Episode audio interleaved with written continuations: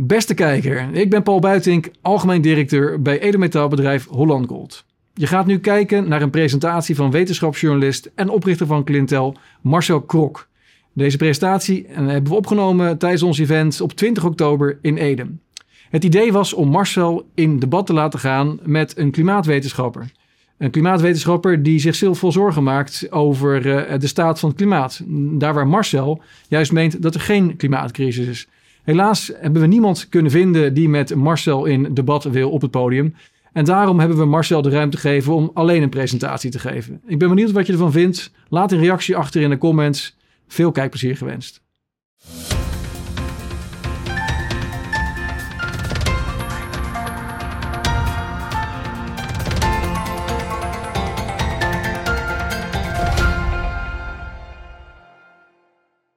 Ja, nou dat is mooi, want uh, ja, het is natuurlijk veelzeggend. Hè? Het is natuurlijk heel veelzeggend. Uh, ik ben niet onbekend met het fenomeen. Ik ben ook een paar keer gecanceld de laatste tijd. Uh, maar het, het, is, het is jammer. Maar we, niet getreurd. Ehm, ik heb vanmiddag zitten kijken en ik heb gezien dat jullie maar heel weinig slides en plaatjes hebben gekregen. En dat gaan ik en mijn volgende spreker, Theo Wolters, wij gaan dit uur vullen. En wij gaan dat meer dan goed maken. Dus uh, ik zou zeggen, stoelriemen vast. Want we gaan in megatempo gaan we echt uh, jullie heel veel informatie geven. En dan, uh, ja, dan mag je zelf natuurlijk beslissen wat je daarvan vindt. Nou, um, ik ben nu twintig jaar bezig als wetenschapsjournalist met dit onderwerp. Uh, dit is het boek waarin ik het meeste van mijn klimaatkennis heb gestopt. En ik werd net al aangesproken, moet een vervolg komen, dus dat, daar gaat aan gewerkt worden. Een paar jaar geleden ben ik met Guus Berghout Stichting Clintel begonnen. En in feite doe ik hetzelfde als daarvoor, alleen nu doen we het vanuit de stichting. En het is toch net iets makkelijker, want je bent een stichting, ambistatus, dus het wordt net iets makkelijker om, uh, uh, om donaties te werven en dat soort dingen, zodat we meer impact kunnen hebben met, dit, uh, met ons werk. Wat denk ik echt super belangrijk is, omdat we staan aan de vooravond van ehm, ja, klimaatdictatuur, dat is een te groot woord, nog. Maar we staan wel aan de vooravond van CO2-beleid, wat gericht is op net zero. Hè. We moeten naar nul CO2. Nou, ik had eigenlijk een CO2-meter bij me moeten hebben, want nu met z'n allen zijn wij mega veel CO2 aan het uitstoten. En net zero, dat is, nou, en de volgende spreker Theo zal daar nog meer op ingaan, op, op hoe uitdagend dat is. Dat is echt een kolossale uitdaging die wij als Europa eigenlijk nu alleen in de wereld, hè, vorige sessie geopolitiek, als we het daarover hebben, Europa gaat voor net zero en de rest van de wereld eigenlijk niet dus dat, en dus dat, dat is waar we, waar we mee bezig zijn.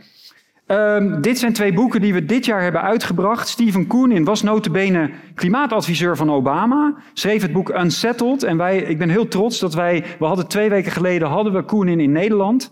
En wij hebben dus dit boek uh, in het Nederlands nu uitgebracht. En het andere boek ben ik ook heel trots op. Want wij hebben met tien mensen het laatste IPCC-rapport geanalyseerd. En we zijn echt de enige in de hele wereld die dat gedaan hebben. En uh, de, de grap, korte anekdote. We probeerden dit persbericht voor dit boek, probeerde ik te verspreiden via het ANP.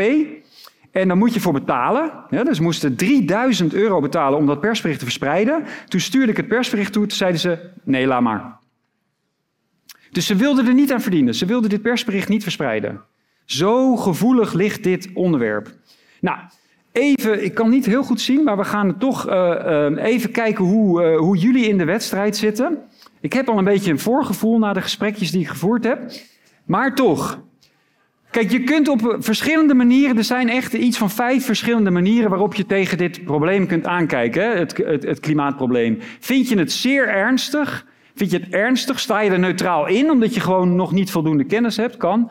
Er is, of zeg je er is geen klimaatprobleem, of zeg je nee, CO2, CO2, goed voor de plantjes, goed voor de planeten. Juist meer, hoe meer CO2, hoe beter. Nou, wie, wie zit er in categorie 1? hey Arno, goed. Ja, een beetje, een beetje rebels altijd. Hè? Arno, kun je even het podium opkomen om dat uh, standpunt uh, te verdedigen? Of, uh...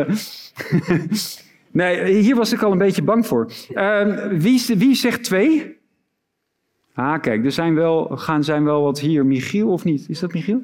ja, Michiel, Lex ook. Dus je zegt wel, er is een probleem. Maar het is nog steeds wel heel weinig. Wie staat er neutraal in? Ah, kijk, dat is toch wel aardig wat. Wie zegt 4? Is geen probleem. Ik zou zeggen dat is de meer en, meer en meerderheid. En wie zegt 5? Nee, meer CO2 is goed voor de planeet. Ook wel aardig wat, hè? Veel meer dan minder. Nou, um, oké, dus de, de, komende, de komende minuten ga ik laten zien waarom ik een beetje tussen 4 en 5, uh, uh, waar, tussen 4 en 5 uh, in zit. Maar goed, het punt is natuurlijk wel dat, ja, dat zie je niet zo heel goed, maar het klimaatbeleid wat we voeren is gebaseerd op één. Dus alleen Arno die staat erachter, maar de rest van de zaal niet. Dus, en, en ik snap dat we hier in een soort goudbubbel zitten, dus dat is, dat, dat is natuurlijk niet heel representatief misschien voor, voor de samenleving. Maar ja, ik, gevoelsmatig zeg ik dat ook in de samenleving zou ik zeggen dat misschien 50-50 is. 50% ziet het als een probleem, 50% ziet het niet echt als een uh, groot probleem. Maar goed, ander punt. Hè? Jullie zien het, de, de meerderheid van jullie ziet het niet als een probleem. Maar hoe is het gesteld met jullie kennis? Dat is ook een belangrijk punt.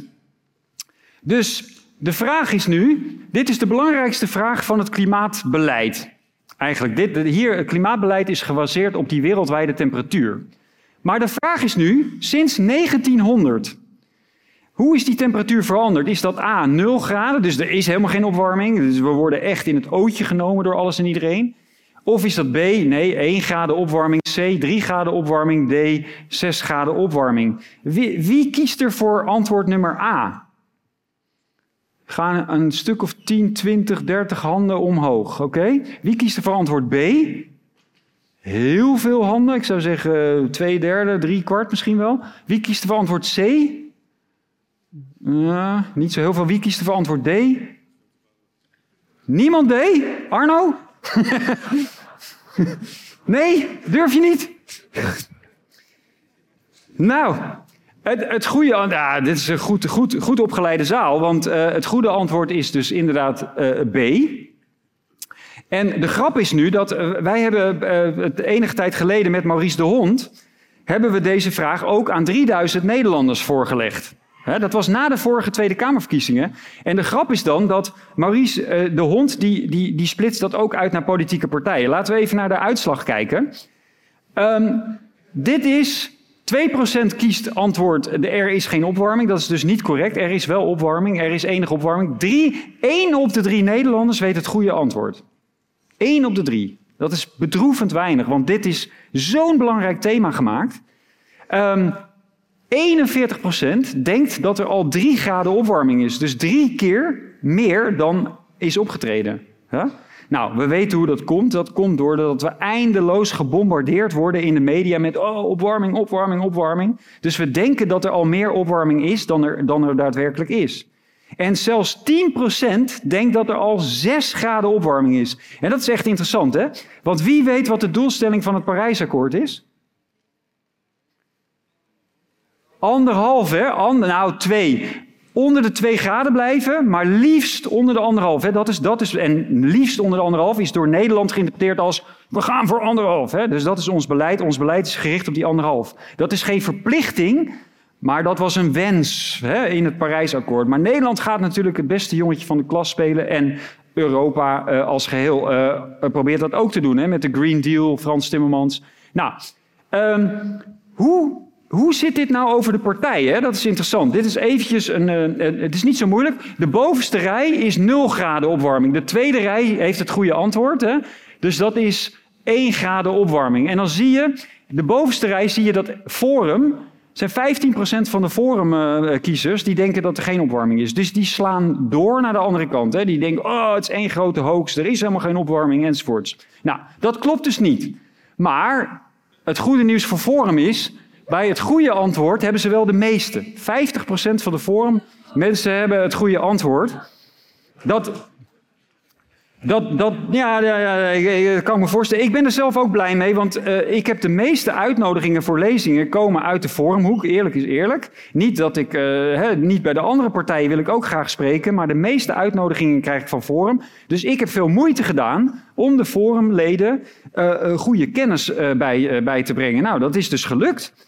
Maar we zien ook dus dat als we dan naar het volgende antwoord gaan, 3 graden, dan zie je bijvoorbeeld daar P van de A, Partij van de Dieren, uh, D66. Hè, dus de, de, helft of meer dan de helft van, de, van die uh, achterban denkt dat er al 3 graden opwarming is. En dat zijn ook de partijen die, Parijs klimaat, die het klimaatbeleid superbelangrijk vinden. En dat is heel interessant, want wat, wat, wat zeg je hier? Hier zeg je, we zijn al een graad over Parijs heen. Als dat nu al zo is en de wereld is nog niet vergaan, dan kan je dus ook zeggen van, oké, maar dan viel het eigenlijk allemaal wel mee. Wat heeft, en en wat, wat heeft het überhaupt nog voor zin om te proberen Parijs te halen als je er al een graad overheen bent? Dus die twee die, die, die, die stroken helemaal niet. Nou, en dan zie je als laatste 6 graden opwarming. Wie zit daar het hoogste? Partij van de A, GroenLinks. Nou, dat is ook wel een beetje wat je verwacht, hè? Dus de, de partijen die klimaat als het meest urgente probleem zien, die, maar die, die, men, de achterban, denkt ook dat, dat er al veel meer opwarming is geweest dan, dan er daadwerkelijk is. Wij onderbreken deze video even met een korte mededeling. Via onze video's proberen wij jullie zo goed en breed mogelijk te informeren over het veranderende financiële landschap en de geopolitieke ontwikkelingen. Wij denken dat goud een steeds belangrijkere rol gaat spelen de komende jaren in het financiële systeem als ultieme verzekering tegen financiële onrust. Wil je meer weten over fysiek goud en zilver?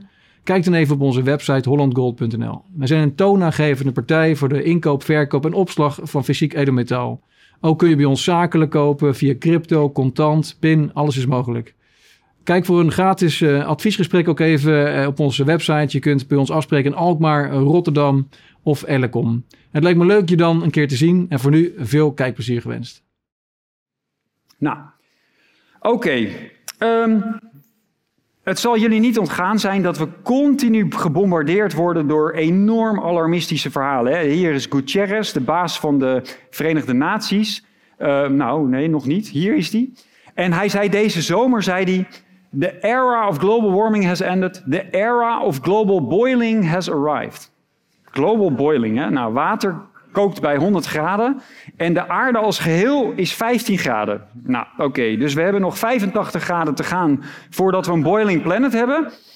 Dus, oké, dat is een, een beetje over de Parijsdoelstelling heen, zullen we maar zeggen. Maar wie hadden we deze week? Ja hoor. Kersverse eurocommissaris voor Klimaat.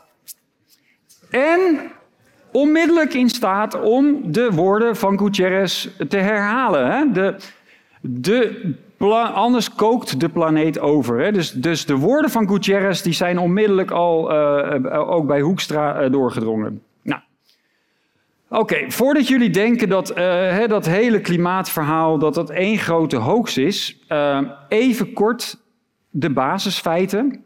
Er is wel degelijk opwarming. Dat zie je in die blauwe lijn, die, eh, of die blauwe balken die overgaan in de rode. Dat is die ene graad opwarming die we nu hebben sinds 1880. En de CO2-concentratie. Oh, de CO2-concentratie, deed ik dat? De CO2-concentratie neemt ook toe. En die toename van CO2, daar wordt ook nog wel uh, op Twitter en zo eindeloos over ge gebakkeleid.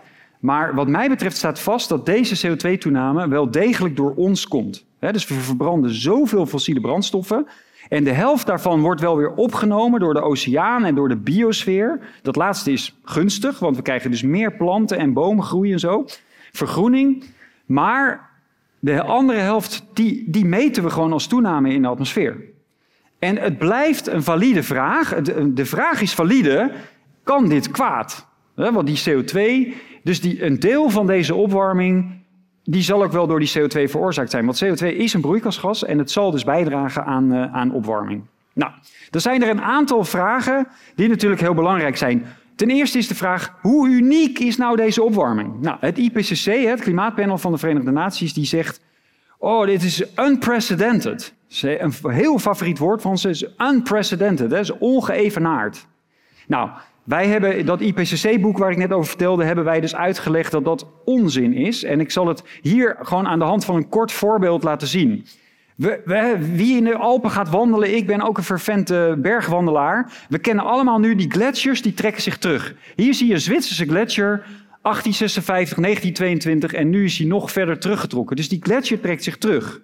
Nou, Oh, dat is dus bewijs voor CO2. Hè? Dus bewijs dat de mens deze gletsjer doet terugtrekken. Nou, Zwitserse onderzoekers hebben dit gebied um, in kaart gebracht. Hoe zag dit gebied er 2000 jaar geleden uit? Nou, er is een, een, een tekening, hebben ze daarvan laten maken. Het is een fantastisch mooie tekening. Kijk goed hier. En 2000 jaar geleden zag het er zo uit. Dus de boomgrens was een stuk hoger. De gletsjer is helemaal weg. Dus die gletsjer is pas korter dan 2000 jaar geleden ontstaan. En trekt zich nu weer terug. Maar uniek is het absoluut niet. En dit gebeurde allemaal ver voordat wij CO2 aan het uitstoten waren. Dus het kan ook niks met CO2 te maken hebben dat er toen geen gletsjer was. Ja, en dat zijn dus dingen die worden door het IPCC een beetje onder het tapijt geveegd. Nou, dit is de grote Adelsgletsjer, fantastisch mooie gletsjer. Er zijn ook reconstructies gemaakt. Rechts is het heden. Je ziet dat de gletsjer zich nu terugtrekt in de laatste uh, eeuw, anderhalve eeuw. Maar je ziet dat dat al meerdere keren is gebeurd. En al die keren daarvoor kan het onmogelijk door iets met CO2 te maken hebben gehad. Dus er is mega veel ook, er is mega natuurlijke klimaatvariabiliteit. Maar het IPCC doet voorkomen dat één, de huidige opwarming uniek is, is al niet zo. En twee, dat, die dus, uh, dat het dus wel door CO2 moet komen. Nou, dan moet je ook die eerdere die eerdere fluctuaties moet je wel uh, kunnen verklaren. Nou, dat kunnen ze niet. Dit vind, ik, dit vind ik altijd een mooie gletsjer in Groenland. Die ligt aan de kust in Groenland. Hier links komen we uit de ijstijd. Dan krijg je 12.000 jaar geleden gaan we spectaculair omhoog. Hè? Dus dan gaan we uit die ijstijd. En dan zie je dat dat 10.000 jaar, 9.000 jaar, 8.000 jaar geleden, dan piekt dat al. Dat noemen ze het, het climate optimum, noemen ze dat zelfs in de literatuur. Een term die ook door het IPCC Orwelliaans wordt uitgewist. En daarna zie je dat we langzaam zakken we alweer naar die nieuwe ijstijd. En die twee rode stipjes, dat is dan de recente opwarming. En dat, daar is all, all the fuss about. Ja, Oeh, kijk wat er nu gebeurt. is unprecedented. Nou nee, totaal niet unprecedented. We zien dat het uh, eh, 8000 jaar geleden was het aanzienlijk warmer in dat gebied in Groenland en Scandinavië en Alaska en Canada. Daar was het aanzienlijk warmer, 3, 4, 5 graden warmer dan het op dit moment is. Ja, zo unprecedented is dat dus. Nou, dat hebben we dus in dit boek uh, uh, ook allemaal op een rijtje gezet. Hier ziet u het probleem van ons, hè, onze stroming, onze, onze, onze beweging zou je kunnen zeggen. Nou, wat is het probleem? Ja, we zijn allemaal boze witte oude mannen. Hè? Dus geen, we, zijn niet we zijn niet divers, we hebben, geen, we hebben geen mensen van kleur, we hebben geen vrouwen, enzovoort, enzovoort. En dit is, dit is oprecht, ik maak er een beetje grapje van, maar dit is oprecht wel een beetje een probleem. dus als je, als je uh, klimaatkritische bijeenkomsten, daarom ben ik heel blij dat hier ook een heel gemengd uh, publiek is. Maar bij veel klimaatkritische bijeenkomsten heb je inderdaad allemaal dit soort uh, mannen die uh, zich er flink in verdiept hebben en, en, en die daar boos over zijn. Nou, ik geef één ander voorbeeld uit ons boek, uit ons IPCC-boek. En dat is, daarbij wordt, ja, good old cherrypicking. En cherrypicking doen we allemaal, maar we mogen wel van het IPCC verwachten dat zij zo min mogelijk aan cherrypicking doen. Hè. Zij moeten zo neutraal mogelijk de wetenschappelijke literatuur weergeven. Nou, hier, zien we een, hier gaat het over schade door extreem weer, schade door orkanen, schade door overstromingen. We horen Sigrid Kaag, klimaatrampen. We hebben steeds meer schade, we hebben steeds meer doden. Dat is de suggestie in ieder geval die ze wekt. Nou, is er een hele uitgebreide literatuur. Ik heb er hier twee uitgepakt. De rechterpaper, um, die is 1200 keer geciteerd en laat zien dat er in de tijd geen trend is in schade door orkanen in Amerika. Ja? Op het moment dat je corrigeert voor bevolkingsgroei en economische groei, als je daarvoor corrigeert, dan is er geen schade. De linkerpaper suggereert dat er wel een toename is van schade in Amerika door orkanen. Ze kunnen niet allebei waar zijn. Nou, het blijkt dat de linkerpaper dat die inderdaad uh, allerlei mankementen vertoont.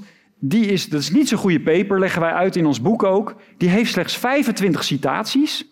En u raadt het al wat er is gebeurd in het IPCC-rapport. De linkerpaper is letterlijk gehighlight en de rechterpaper is genegeerd. En niet alleen de rechterpaper, er zijn nog 52 andere studies in de literatuur die ook laten zien dat als je goed corrigeert voor economie en voor bevolking, dat je geen trend in schade ziet. En dat kan je hier goed zien. Dit is de wereldwijde schade door rampen. Nou, als er al iets te zien is, dan is het een lichte daling. En let ook op de schaal. Hè. We hebben het over 0,2 tot 0,3 procent van de economie die hier last van heeft. Dat is het is nog steeds, het zijn substantiële bedragen. Een grote orkaan in Amerika kan 100 miljard schade geven. Maar het is, het is, het is eh, zeker te overzien. Het is, dit zijn niet procenten van de wereldwijde economie. Nou, de man die dit hier expert is, dat is deze Roger Pielke. Deze Roger Pielke. En in ons boek leggen wij ook uit dat hij een soort Voldemort is. En ik heb, ik heb geregeld contact met hem en hij zei tegen mij, deze quote, die mocht ik ook gewoon gebruiken, zei hij, dat hij van een Amerikaanse uh, medewerker heeft gehoord dat uh, Roger Pielke will never participate in the IPC. Dus mensen die supergoed in de literatuur zitten, worden toch niet meegenomen in dat proces. En dat is een beetje het probleem van het IPC.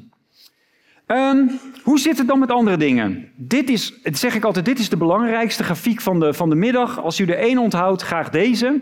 Want het idee dat er steeds meer doden vallen door klimaat, door klimaatextremen, is absoluut niet waar. Er vallen juist spectaculair min, minder doden door, door extremen.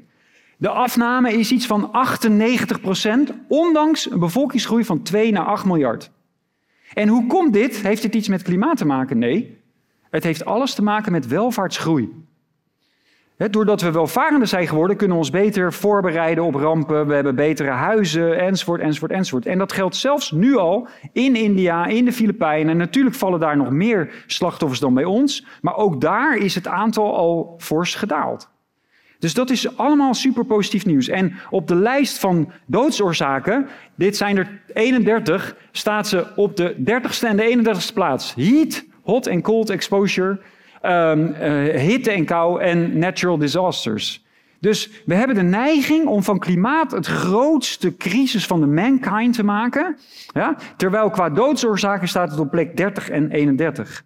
Nou, de extremen zelf, zijn die dan toegenomen? De meeste extremen zijn niet toegenomen en het IPCC geeft het schoorvoetend, geven ze dat ook toe. Hier is een voorbeeld, orkanen.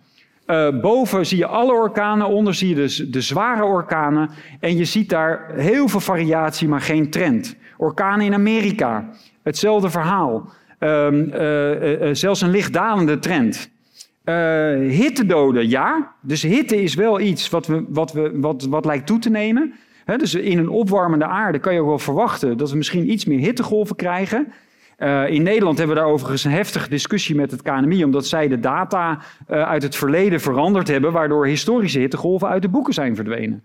Dus dat debat loopt nog tussen ons en, uh, en het KNMI. Um, dus meer hittedoden, ja, maar hier zie je dat er tien keer zoveel koude doden vallen wereldwijd. Nog steeds, hè? Er vallen veel meer koude doden dan hittedoden. Dus we krijgen iets meer hittedoden, maar we krijgen veel minder koude doden als we in een opwarmende aarde zouden zitten. Dus dat is netto weer positief. Het IPCC vermeldt dan de toename van de hittedoden, maar niet de afname van de koude doden.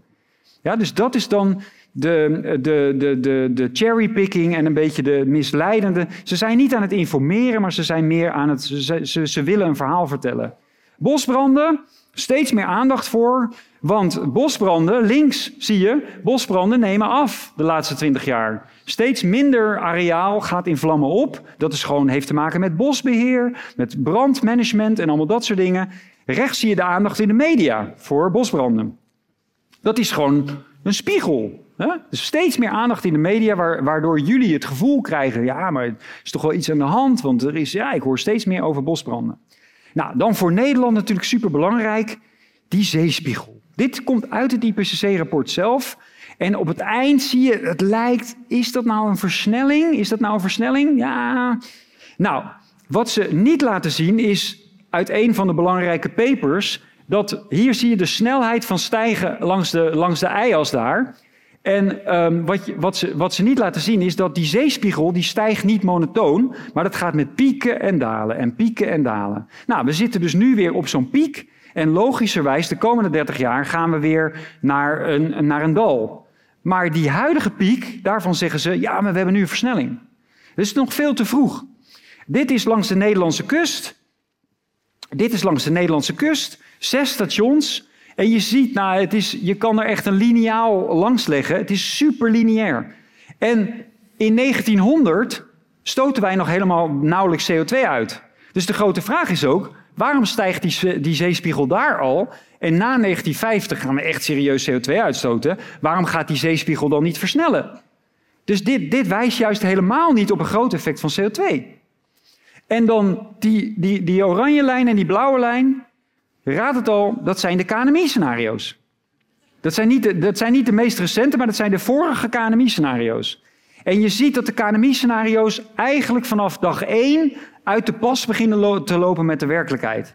Dus die modellen overdrijven het, het werkelijke klimaat. Daar zijn heel veel aanwijzingen voor. Nou, en dan als laatste, ik noemde het al eerder, CO2 is goed voor planten en bomen. Dus we zien letterlijk vanuit satellieten dat er een uh, vergroening van de aarde aan het, uh, aan het, optreden, uh, aan het optreden is. Nou, en deze argumenten, we hebben hier natuurlijk niet heel veel tijd, maar dit, dit zijn voor mij de argumenten waarom wij met Clintel deze declaration hebben opgesteld, die je op clintel.org kunt nalezen, met als belangrijkste boodschap, there is no climate emergency, er is geen klimaatcrisis. Ja, CO2 neemt toe, ja, het zal ook wel bijdragen aan de opwarming, but what is the problem? Laat staan de crisis. Hè? Hoe kan je daar nou een crisis van maken? Nou, we zijn heel blij. Recent heeft John Clauser, die heeft vorig jaar de Nobelprijs gewonnen, heeft zich aangesloten bij onze declaration. En dat zijn de belangrijke stappen die we moeten maken. Nou.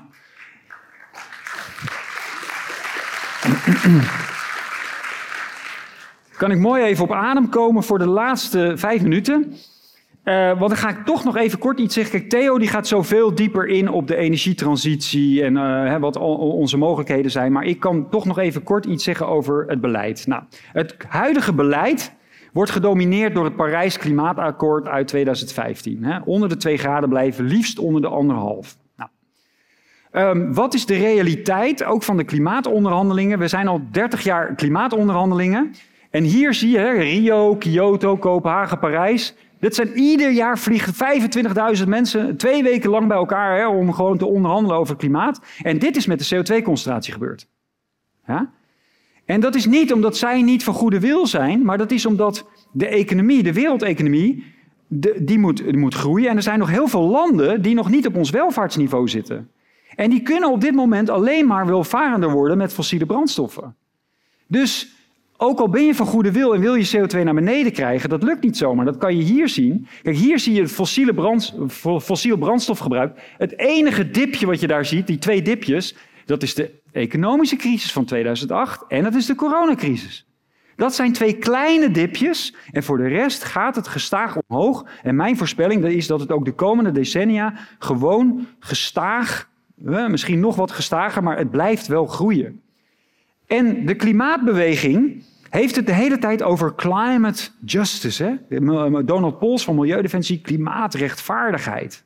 Nou, en dat klinkt natuurlijk fantastisch, hè? maar ik wil daar een ander begrip tegenover zetten. En dat is namelijk dit.